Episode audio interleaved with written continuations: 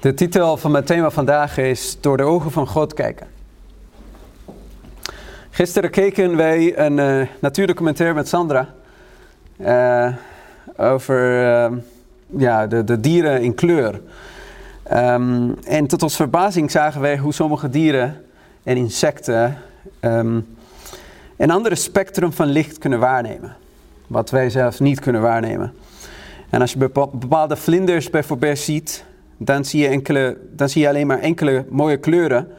Maar als je bijvoorbeeld ultraviolet um, lens zeg maar, op de camera zet of, of, met een apparaat of zo, kan je dan andere kleuren die verborgen zijn voor onze ogen. En ja, in de documentaire staat dat ja, dat is evolutie. En dan denk je van ja, dat wij zelf, zelfs als mensen um, aantal uh, uh, spectrums kunnen bekijken en andere dieren 12 kunnen bekijken, denk je van wie is dan, dan zo geëvolueerd? Zijn er dan dieren of zijn wij? Of, terwijl wij weten dat dit gewoon een ander bewijs is van hoe God zowel dieren als mensen gemaakt heeft. Weer een ander bewijs voor de schepping. Een ander goed voorbeeld was uh, sommige gele vissen. Je ziet het en voor jou lijkt het gewoon alsof het dezelfde zijn, dezelfde soort. Terwijl um, de ene uh, doffe zwarte subbe heeft en die andere die heeft een reflecterende subbe. Uh, en dan kan je zien dat er twee verschillende... Met de ultraviolet uh, ja, um, lens of, of, licht of zo, hoe je dat, het verschil kunnen zien. En dit sluit zo mooi aan twee jaar geleden, dat was najaarsconferentie, had ik een thema gegeven over die... de kortzichtigheid van Laodicensen. Uh, ik had gesproken dat wij eh, niet door onze ogen kijken, maar eigenlijk kijken wij of zien wij of nemen we iets waar door onze hersenen. Omdat de receptoren van licht in onze ogen, of tenminste de, de achterkant van onze ogen eigenlijk een uitge, uitgerekte gedeelte is van ons brein. Uh, het is eigenlijk door ons, onze hersenen die eigenlijk bekijken. En we kwamen tot de conclusie, aan de hand ook van uh, studies, dat de hersenen zien wat zij willen zien.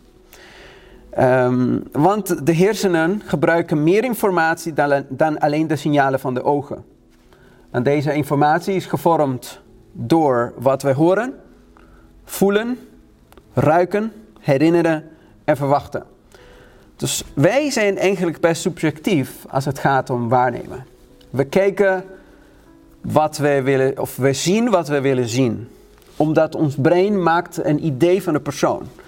En dan aan de hand van wat Manuel mij ooit heeft gezegd en wat ik vandaag zie en wat zijn houding en wat de geur wat ik dan bij hem voelt, dan meteen heb ik een idee van ja, weet je Manuel, ja, ja, hij is boos met mij of zeg maar, of heeft het aan iemand anders doorverteld. En dan komen wij en dan maken wij verhalen van wat eigenlijk helemaal niet waar zijn. Of misschien is het één keer waar, maar dan hoeft het natuurlijk niet per se zijn dat het altijd zo is. Of dat wij altijd zo zijn. Omdat wij als mensen niet statisch zijn. Wij leren, wij groeien, wij veranderen. En onze identiteit hangt af grotendeels van onze relatie met andere mensen. Wij zijn natuurlijk, uh, we hebben een bepaalde identiteit, dat is een zelf, hoe wij zelf zijn. Maar een andere deel van deze identiteit hangt af van onze relaties met andere mensen. Met het werk, op school. En waar wij zijn, daar zijn wij ook weer. Wij zijn misschien boos of, of, of verdrietig of zo. Als wij verbonden zijn of als wij in relatie zijn met bepaalde mensen. Maar dat hoeft niet per se zo te zijn met andere mensen. En vandaar dat wij veranderen. Vandaar dat wij niet in een bepaalde hoekje of vakje moeten plaatsen, mensen. Van hij is zo of hij is zo of dat is zo. Want dat is in relatie met, in verhouding tot. Is het verbonden met, is het in gesprek met, is het op school, is het aan het werk. Daar heb je ook weer een andere identiteit van de persoon. En dan zie je ook weer een andere beeld van de persoon zelf, wat je niet uh, um, had gezien. Dus in principe heb je twee realiteiten.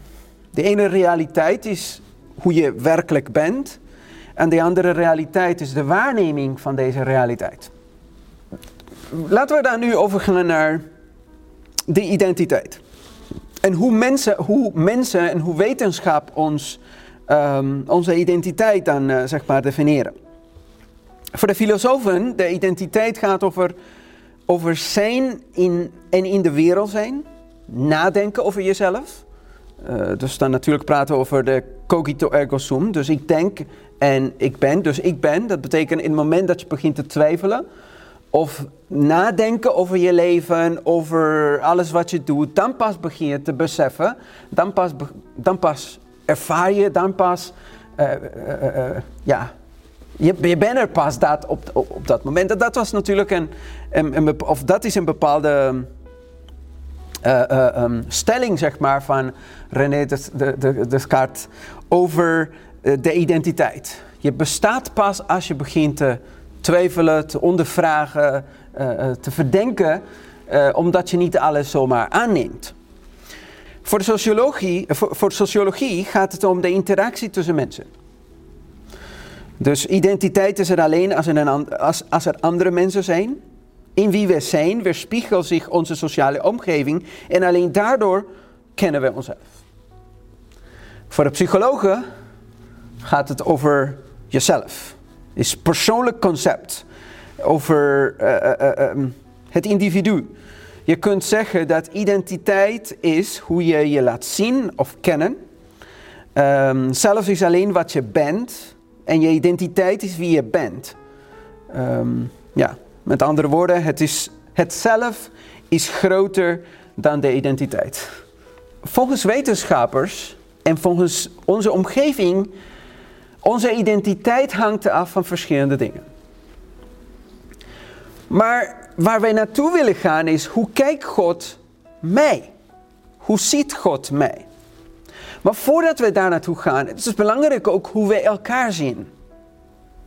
Ik kan misschien op een bepaalde manier zijn, of mijn identiteit kan zo zijn, maar andere mensen kunnen een ander beeld hebben van mijn identiteit. Andere mensen kunnen praten over mij anders dan hoe ik werkelijk ben. Omdat is misschien de manier hoe ik mij heb uh, uh, getoond of in bepaalde gedragen of in relatie zeg maar tot de gemeente uh, mensen hebben me zo gezien. Ik kan me nog herinneren toen ik in Suriname was, waren er enkele plekken waar ik werkelijk mezelf kon zijn. Um, en niet omdat ik in andere momenten niet, niet mezelf was, maar dan, ben ik, um, dan, dan was mijn rol als bijbelarbeider niet zo sterk. Dus dan, in het moment dat ik als een bijbelarbeider moest zijn, dan is mijn gedrag natuurlijk uh, uh, op zo'n manier. En dat wil ik niet zeggen dat ik uh, hypocriet ben, dat ik soms zo ben en andere momenten ben ik zo. Maar um, je, je, je, je houding natuurlijk als een verantwoordelijk, als um, iemand die altijd moet weten, altijd iemand die, die moet adviseren, of net als wat we zagen net in de lijst, wat allemaal, alle taken die de levieten hadden. Um, maar ja, er zijn andere momenten waarin je denkt van, ah, heerlijk om helemaal gewoon niet eraan te denken, om te relaxen. En ik weet nog van, ik ging naar die plekken en uh, bezocht de mensen, maar ik kon zeggen van, oh weet je wat, ik ben zo moe. Kan ik even liggen op jullie gemak? ja, ja, ga maar gaan en zo, we maken het eten voor je klaar. En dan hoef ik niet per se dat, dat, dat houding hebben van, ik moet een bijbelstudie geven of ik moet voor de mensen zijn of wat, wat willen de mensen altijd aan het geven. Maar dan kon ik ook zeg maar ontvangen. Dan kon ik ook weer uh, relaxen en, en gewoon jezelf zijn. En dat, hiermee wil ik zeggen van hoe je identiteit verbonden is met je omgeving. En je ziet het ook weer terug in de Bijbel. Jezus was constant en altijd aangevallen door fariseeën, Sadduceeën. Maar er was een plekje waar hij echt thuis kon zijn. En dat was in het huis van Martha en Maria. Daar kon hij echt zichzelf zijn. Hij kon relaxen. Hij hoefde niet te denken van mensen wegen en meten mijn woorden om, om mij aan te vallen. Of dan komen met echt moeilijke vragen dat ik kan antwoorden. En Jezus als mens zocht die ondersteuning. Hij wilde graag de ondersteuning ook zelfs van zijn discipelen in Gethsemane. Zo van, kunnen jullie alsjeblieft voor mij bidden? Of met mij zijn? Dat, dat, dat, dat, die houding van Jezus als verlosser op dat moment verandert. Hij is iemand anders op dat moment. Hij heeft ondersteuning nodig. Hij heeft iemand die, die naar hem kijkt. en die, die, die Hem ondersteunt. Dus onze identiteit wordt bepaald door een verbinding met de omgeving. En dat, is, en dat is heel belangrijk voor ons om te weten, want dat helpt ons ook in het oordelen van de situaties, maar ook in het waarnemen van ons als broeders en zusters in de gemeente. Want uiteindelijk, ons doel is dat wij één kunnen zijn in Jezus Christus. Ehm, want ik ben een zoon, of ik ben een dochter, of ik ben een student en een leraar, een bijbelwerker, of een, een passagier of een patiënt, natuurlijk aan de hand van wat ik doe. Um, en wat is het probleem met deze waarneming? Ons probleem is, uh, en dan heb ik het uh, vergelijken hier in, in mijn preek, als de time machine van de computer. Bij Windows uh, kon je dan zeg maar ergens gaan bij, bij je, je herstellen of zo. Ik weet niet hoe, hoe het meer heet in, in Windows. En dan kun je bepaalde momenten of punten in de tijd waar je dan zeg maar opgeslagen had, je computer, dan kon je altijd teruggaan en je bestanden zeg maar terughalen. In, in Apple is het gewoon je tijdmachine. Uh, en dan je, kies je je tijdmachine, dan kan je gewoon kiezen zo van, oh, hier wil ik uh, teruggaan. Wij zijn net als de tijdmachine. Wij hebben bepaalde punten in onze geschiedenis die wij goed, heel goed opslagen, opslaan. En aan de hand van onze herinneringen en de waarneming die we hebben met mensen, dan gaan we terug naar dat moment. En als wij vaak en als we te veel op dat punt in de geschiedenis teruggaan en wij daarin, zeg maar, uh, verblijven, kunnen we weer de gevoelens opwekken van dat moment toen ik bijvoorbeeld gekwetst was. Of vernederd was. Of, of uh, dat ik de ruzie had. Of dat ik in dat moment beleef. En sommige mensen kunnen dat makkelijker doen dan anderen. Of, of sommige mensen kunnen dat moeilijk loslaten dan anderen. En dan beleven ze dat. En elke keer wanneer ze dat beleven, dan wordt het erger en erger en erger. Omdat je niet alleen beleeft dat moment, maar je beleeft ook en je vraagt je ook af: hoe had ik het anders kunnen doen? En omdat ik het dat moment niet heb gedaan, dan denk ik nog een keer van: als ik het zo had gedaan, dan had ik het niet zo. En dan blijft het gewoon doorgaan en doorgaan en doorgaan. En dan had ik ook, uh, ik heb het ook soms misschien hebben jullie ook, of misschien niet. En hoe vaker ik denk aan dat moment, hoe benauwder het voor mij wordt. Denk van, wow, had ik het, maar waarom heb ik het, maar als ik het had gedaan, als ik was geweest, als ik dat had meegenomen, als dit en dat. Weet je, voor jezelf, je hebt bepaalde verwachtingen, je, je wil iets bereiken. En dan, als het niet gaat zoals je denkt, als je niet krijgt wat je verwacht, dan is het zo erg en zo erg en zo erg. En je beleeft het en je beleeft het. En nogmaals zeg ik, voor sommige mensen is het geen issue. En ze kunnen het zo makkelijk loslaten en dan geen probleem. Maar voor anderen kan het een punt zijn in de geschiedenis, in de time machine, waar je dan niet meer, en dan kunnen ze het gewoon vastzitten in dezelfde situatie. Tot ergernis toe en tot ziekte toe en tot problemen toe. In de cursus die ik maakte over hoe je mensen kan helpen en hoe je problemen kan oplossen, vond ik zo mooi om, om dat weer terug te zien. Dat het gaat, niet zozeer, het gaat niet zozeer over de definitie over een bepaald probleem. Het gaat niet zozeer over de definitie van de, de persoon zelf of hoe je de persoon wil noemen, maar het gaat om de ervaring die de persoon dan heeft gemaakt in, in zijn relatie. Bijvoorbeeld, vaak komt het dan naar voren van ja, hij is of zij is vergeetachtig. Hij of zij is agressief, hij is een leugenaar, hij is onbetrouwbaar, hij is praatziek, hij is negatief, hij is een sociopaat, hij is een leugenaar, hij is een dief. En we kunnen dan verder blijven over negatieve dingen van mensen waaraan we kunnen vasthouden. En ook in onze relaties. En dan haal ik het aan omdat het zo belangrijk is in onze relatie met onze echtgenoot, in onze relaties in de gemeente, maar ook voor onszelf. Over dingen waar je denkt van, laat het los. Waarom hou je gewoon daaraan vast? Um, en een belangrijke vraag in hierin is, is er een ander moment wanneer deze persoon niet een leugenaar is geweest? Is er een ander moment wanneer de persoon niet vergeet? Of wat vergeet hij niet? Of misschien, of, of, of kunnen wij dan de persoon definiëren en in een hokje plaatsen van, dat is de persoon. Hij is een leugenaar. Of is hij een leugenaar, of, of liegt hij over bepaalde dingen? Want dan is het een verschil. Als een leugenaar betekent, hij is altijd leugenaar, vandaag tot in eeuwigheid, over alles. En er is niks waarover het niet liegt. Maar als hij liegt over bepaalde dingen, of in relatie met zijn werk, of bepaalde dingen wat hij verborgen wil houden, dan betekent dat er iets anders aan de hand is waar je dan zeg maar, waarmee je kan helpen, de persoon kan helpen. En als dat behandeld is, dan hoeft de persoon niet meer verder te liegen over dat moment. Als hij geaccepteerd is, dan hoeven we verder bijvoorbeeld niet te liegen daarover, omdat het niet een kwestie is of een punt is waar hij zelf moet verbergen. Um, en dat is zo mooi en dat is zo interessant dat wij ons niet focussen op dat negatieve, of dat we de mensen niet identificeren met dat specifieke moment van de time machine, maar dat we ook kunnen kijken, hoe staat het met de rest? Hoe, hoe is het dan in andere momenten? En zijn er zoveel gevallen van mensen die hierin lijden en die problemen mee hebben. En bijzonder is het wanneer je soms luistert naar deze problemen, is het een probleem die de persoon zelf ervaart. Het is niet een probleem die andere mensen ervaren. Hij of zij is degene die hieronder lijdt. Hij, zij heeft een probleem mee. Maar die andere mensen, ik weet niet waarover het heeft. Ik snap helemaal niks waarover het gaat. En dat heeft natuurlijk omdat het bij ons in ons, in ons hoofd zit. Sandra is het ja, maar waar gaat het over? Ja, maar ik had het moeten doen. Ik had het moeten meenemen. Ik had het dit.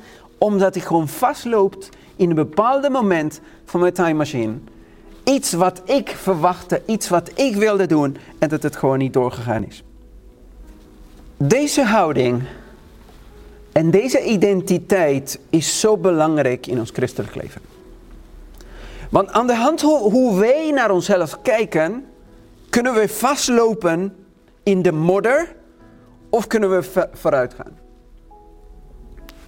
Ik denk altijd aan het geval van Luther, dat hij, hoe meer hij dacht aan zijn zonde, hoe vast hij liep in deze situatie. En hoe depressief hij werd door zijn eigen conditie als mens. Totdat er een moment kwam dat hij besefte dat Jezus Christus hem kon vergeven. Doordat hij besefte dat er genade voor hem beschikbaar was om vooruit te komen. Zolang als hij blijft vastlopen in die zonde, in zijn situatie, in zijn conditie, komt er niet vooruit. En je kan hem zeggen van ja, maar Jezus heeft je lief. Ja, maar de Bijbel zegt dit. Nee, nee, ik ben gewoon niet goed. Wat doe ik? Wat is het, de zin van mijn leven? En nogmaals, dit kan bij persoon tot persoon anders zijn. En ieder heeft deze, deze time machine op een andere manier. En we kunnen misschien ontmoedigd zijn door een bepaalde een moment of een bepaalde situatie in ons leven. En misschien wat het, wat het ons helpt, is om niet naar onszelf te kijken, maar naar de andere personen te kijken. Wat ik, wat ik leerde bijvoorbeeld in deze situatie, en misschien uh, voor jullie ook goed is, niet, niet, van, niet vanuit onszelf beginnen. Bijvoorbeeld, onze samenleving staat het zo: ik ben er en dus um, no, ik, uh, ik denk en dus ik ben. Laten we het anders aanpassen in deze situatie. En, en die andere persoon zegt: ja, maar ik denk ook. En wat heb je? Ja, ik denk. Ja, ik denk ook. Ja, ik ben. En die andere zegt: ik ben ook. Wat creëert dan hierin? Meteen een confrontatie. Meteen een wedstrijd. Zo, wat wie heeft? Ik heb. Ja, ik heb ook. En dat gaat het ook in de eenvoudigste dingen van onze, van onze dagelijks leven. Bijvoorbeeld, ik heb je lief. Het is heel mooi, maar nog steeds gaat het vanuit mijn eigen perspectief. Ik heb je lief. Maar als je anders zo kijkt, als je van, vanuit de andere persoon zou beginnen, hoe zou je dat, hoe zou je dat kunnen zeggen of formuleren? Ik merk dat je me lief hebt. Wat creëer in de andere persoon? Huh? Doet het goed? Het is niet een egoïstisch, ik heb je lief. Maar ik merk dat je me lief hebt. De andere persoons reactie is, ja, maar ik merk dat je me ook lief hebt. Zie je meteen? Het is niet van, ik heb je lief. Ik ook, ik heb je ook lief. Nee, meteen is, ja, eigenlijk merk je dat je me ook lief hebt. Ja, weet je, schat, ik ben zo blij dat je me, eh, dat je me ontbijt maakt. Ja, maar je maakte ook dat voor mij. Zien jullie het verschil? En dat verandert ons kijk naar bepaalde dingen. Ik ben zo dankbaar omdat je dat voor mij hebt gedaan. Ja, maar ik ben ook dankbaar omdat je dat ook voor mij hebt gedaan. Twee verschillende manieren van het leven bekijken. Ik kijk het niet vanuit mijzelf, maar ik kijk het vanuit de andere persoon en wat de andere persoon voor mij heeft gedaan. En dan verandert de hele situatie. En dan beginnen we te kijken, en dan kom ik terug tot de titel van mijn thema is, kijken door de ogen van God. Hoe kijkt God naar mij? Een ander voorbeeld dat ik hier had, misschien ook goed is, ik voel me door jou geliefd. En meteen de reactie van de andere persoon is, ja ik ook, ik voel me door jou geliefd. Beginnen vanuit de andere persoon. Van die kant naar mij toe en niet van ik heb je lief. Ik dank jou. Ik bedank je. Filippenzen hoofdstuk 2 vers 5 tot en met 9. Laat ons zien de stelling van God. En dat is de gezindheid die wij als christenen dienen te hebben. Dus wij praten niet zo van, jij bent niet goed, je hebt dat gezegd, en jij dit en jij dat. Of ja, ik moet jullie lief hebben, of ik moet mijn broeders en zusters dan helpen. Altijd vanuit mijn perspectief. Ik moet mensen helpen. Ik moet de andere mensen overtuigen. Uh, ik moet de andere mensen lief hebben, ook mijn vijanden. Altijd vanuit mijn perspectief. Hoe staat het als we even naar de voordeur komen? Eh, als we niet vanuit de woonkamer praten. Als we niet vanuit de keuken praten. Maar als we echt dichter bij de persoon komen. Wat Jezus Christus heeft gedaan. Want wat we zien bij Jezus Christus. Onze grootste voorbeeld is. Dat hij zelf. Terwijl hij in de gestalte van God was. Het niet als roof beschouwd heeft aan God gelijk te zijn, maar zichzelf ontledigd heeft door de gestalte van een slaaf aan te nemen en aan de mens gelijk te worden. Hij stelde gelijk aan die andere persoon. En hij begint vanuit onze kant om ons te trekken. Hij, begrijpt ons omdat hij één van ons is geworden. En dat zien wij ook de liefde en de genade van God. Niet een God die zegt van ik heb jullie lief. Nee, ik begrijp jullie omdat Hij is onze hoge priester die mee kan voelen met onze zwakheden. En de manier hoe Hij ons trekt is op zo'n manier. Ik ben zo blij wanneer, of Jezus is zo blij wanneer wij naar Hem toe komen. Het begint altijd vanuit, vanuit onze kant naar Hem toe. En dat is wat Paulus zegt. Laat, om, laat daarom die gezindheid in u zijn die ook in Christus Jezus was. Jezus Christus ging zo ver tot aan, het, tot aan de dood, tot aan de dood van het kruis, om uh, ons te kunnen redden, om ons te kunnen helpen, om één te zijn met ons. En de een niet zo van, ja, ik begrijp je, ik snap, maar ik, ik denk dat je het anders had moeten doen. Want nog steeds begrijpen we de andere persoon niet en nog steeds plaatsen we onszelf niet in de andere persoons situatie. En dit is een heel belangrijke en beslissende uh, stap in het aannemen van Jezus Christus en gerechtigheid. Is um, dat wij, net als Jezus, onszelf um, in, de, in de plaats van de andere persoon kunnen stellen. Maar voordat wij dat kunnen doen, is belangrijk ook om te begrijpen wie wij zijn als mensen. En de Bijbel is duidelijk dat wij zondaars aangemerkt zijn. Romeinen hoofdstuk 5 vers 19 zegt, want zoals door de ongehoorzaamheid van de ene mens velen als zondaars aangemerkt worden, zo zullen ook door de gehoorzaamheid van de ene velen als rechtvaardigen aangemerkt worden.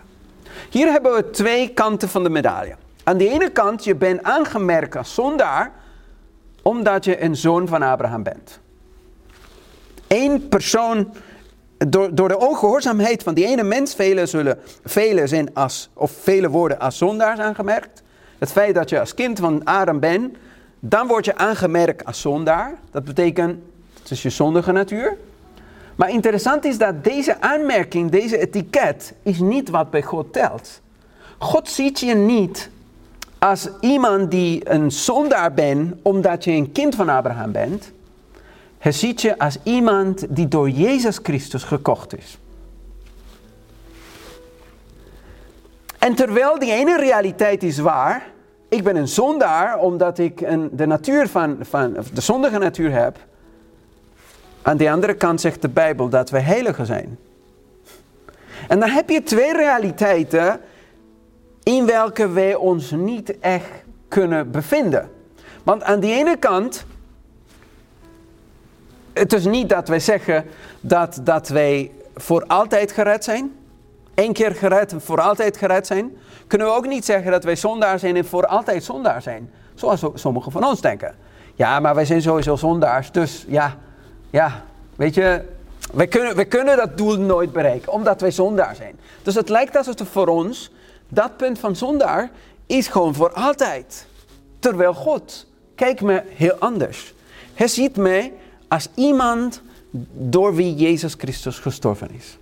Iemand die gered is. En het is aan de hand van, en, interessant is, of zondaar of heilige, of zondaar of rechtvaardige.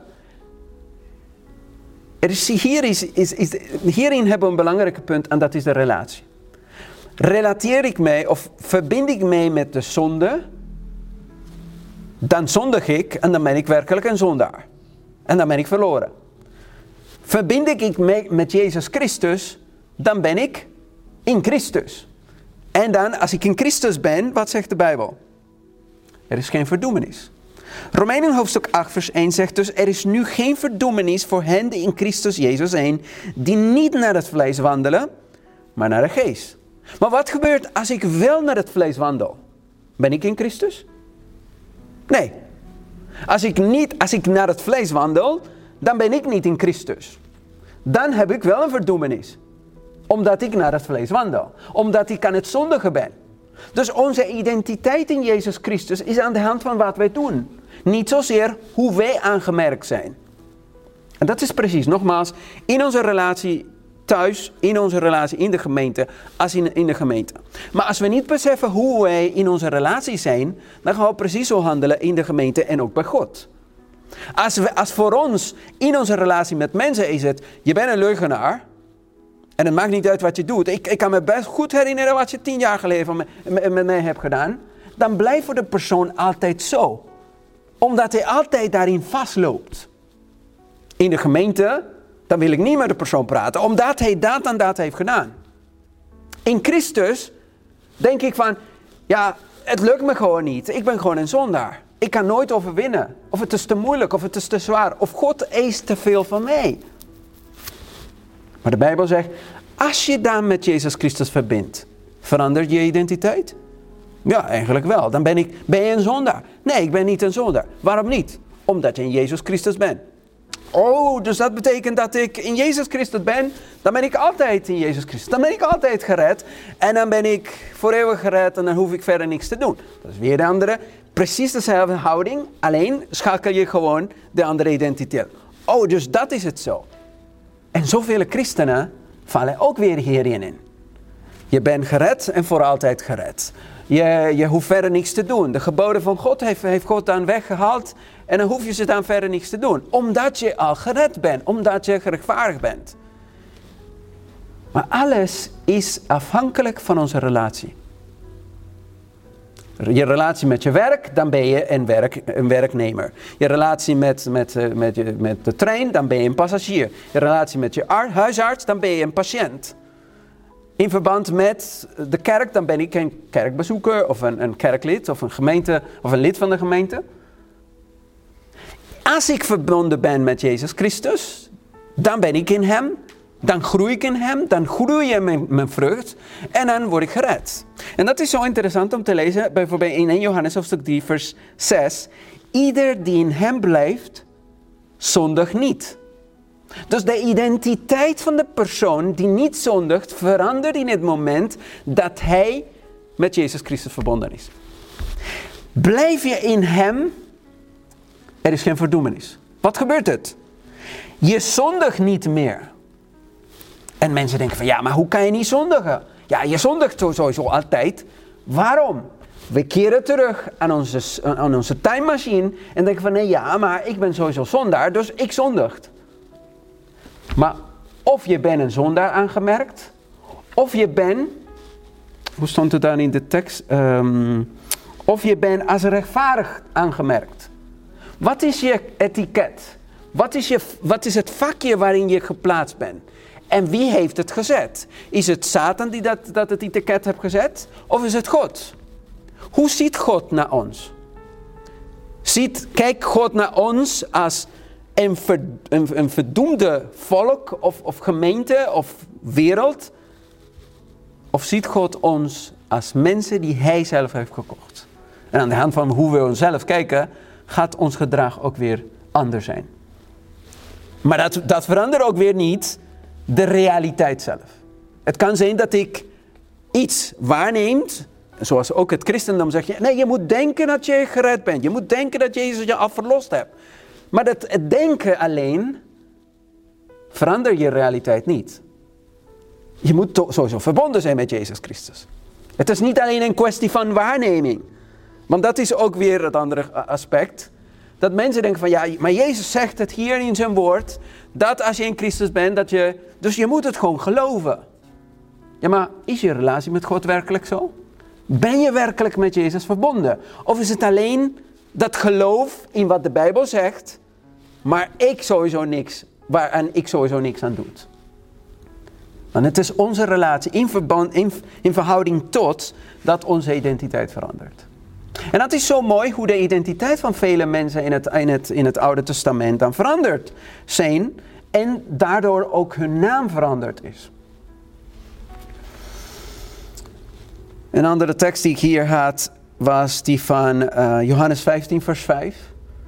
Die welbekende tekst. Ik ben de wijnstok, u de ranken. Wie in mij blijft, pardon, en ik in hem, die draagt veel vrucht. Want zonder mij kunt u niks doen. Ik denk terug aan dat lied van uh, The Prince of Egypt. Through Heaven's Eyes. Ik vind het zo mooi. En ik heb hier enkele uh, versen voor jullie vertaald. Nou, ik hoop dat het goed vertaald is. Um, hoe kun je zien wat je leven waard is? Of waar je waarde ligt? Je kunt nooit zien door de ogen van de mens. Je moet naar je leven kijken. Kijk naar je leven door de ogen van de hemel. Dus hoe, hoe meet je de waarde van een man? In rijkdom, of kracht, of grootte? In hoeveel hij heeft gewonnen of hoeveel hij heeft gegeven? Het antwoord zal komen. Het antwoord zal komen voor hem die probeert om naar zijn leven te kijken door de ogen van de hemel. Dus hoe beoordeel je wat een man waard is? Door wat hij bouwt of koopt? Je kunt nooit zien met je ogen op aarde. Kijk door de ogen van de hemel. Ik vond het zo mooi dat lied dat um, je bent een instrument in de handen van God. Als je de waarde van een mens kijkt, zoals andere mensen naar ons kijken, zoals ik weet hoe ik ben, als wij vastlopen in hoe we weten en wat wij weten over onszelf, wanneer niemand naar ons kijkt wat wij doen, waar zou je blijven? Zou je hier zitten? Velen van ons, of nou, laten we zeggen, ik heb gehoord wel van, van mensen die zeggen van ja, maar ik, ik, ik wil geen hypocriet zijn. Ik kom niet naar de gemeente, want mijn leven is gewoon niet in orde. Dus liever kom ik niet. Maar waar is je waarde? Is je waarde door hoe je jezelf kijkt? Of is je waarde hoe Jezus naar je kijkt? Zou je anders gedragen als je een ultraviolet lens of een, of een glas zo, zo, zo, zo aantrekken en daardoor zo kijken? Zou je andere kleuren kijken, wat je normaal niet ziet? Misschien zie je alleen dat geel van dat vis. Die denkt van, nou, er is geen verschil. Maar dan doe je de bril van God op en denk van, wauw, er is toch een verschil. Ik zie iemand anders. Ik zie iemand waarvoor Jezus Christus gestorven is. Wij zijn niet zondaars en voor altijd zondaars. Nogmaals, wij zijn ook niet heilig en perfect. En, en waarmee relateren we ons? Met wie verbinden we ons? En dat lezen wij, lees ik hier, Efeziërs hoofdstuk 2, vers 4 tot en met 7. Maar God, die rijk is in barmhartigheid, heeft ons door zijn grote liefde, waarmee hij ons lief gehad heeft. Ook toen wij dood waren door overtredingen, met Christus levend gemaakt. Uit genade bent u zalig geworden. En heeft ons met hem opgewekt en met hem in de hemelse gewesten, gewesten gezet, in Christus Jezus opdat Hij in de komende eeuwen de alles overtreffende rijkdom van Zijn genade zou bewezen, door de goedentierigheid voor ons in Christus Jezus.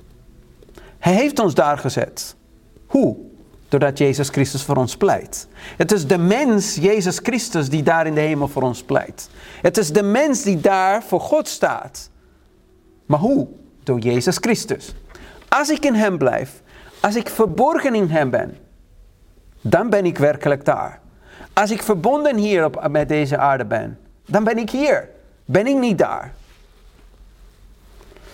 Wij zijn nieuwe schepselen. Klopt. Als wij in Jezus Christus blijven. Als Jezus in ons is. Wij zijn genezen. Zoals 1 Petrus 2 vers 24 zegt. Als wij werkelijk zijn genezing accepteren. We zijn vergeven. Als wij zijn vergeving aannemen. We zijn rijk geworden als we zijn rijkdom of hem als, als erfgenaam uh, aannemen. En dat is wat wij eigenlijk zien. Je bent nog zondaar, nog heilig, omdat je niet een status is. Je bent een proces als je in Jezus Christus bent. En als je in Jezus bent, dan ben je werkelijk zo. Dan ben je werkelijk een heilig en perfect iemand voor God. Wanneer wij geen identiteit hebben, zegt God, ik ben die ik ben. Het volk wist niet wat ze waren. Ze waren slaven van zonde. Van, van in Egypte, wij zijn slaven van zonde. Maar in Hem zijn wij werkelijk iemand. In Hem hebben wij een identiteit. En uh, het maakt niet uit hoe ver wij zijn gegaan. Het maakt niet uit waar wij ons kunnen bevinden. Het maakt niet uit hoe um, teleurgesteld we zijn in onszelf, in andere mensen, blijf niet, loop niet vast in de time machine. Ga vooruit en kijk de positieve van andere mensen. Maar ik zie ook waar Jezus eh, naartoe ons wil brengen. En laten we kijken elkaar zo, zoals God ons kijkt, zoals Jezus ons kijkt. En dan gaan we het anders um, inzien en begrijpen. En andere kleuren waarnemen, want wat wij anders niet hadden gezien. Mogen de Heer ons helpen om de identiteit in Jezus Christus te kunnen vinden. En op deze manier ook weer ieder zijn waarde te geven um, in Jezus Christus. Amen. Amen.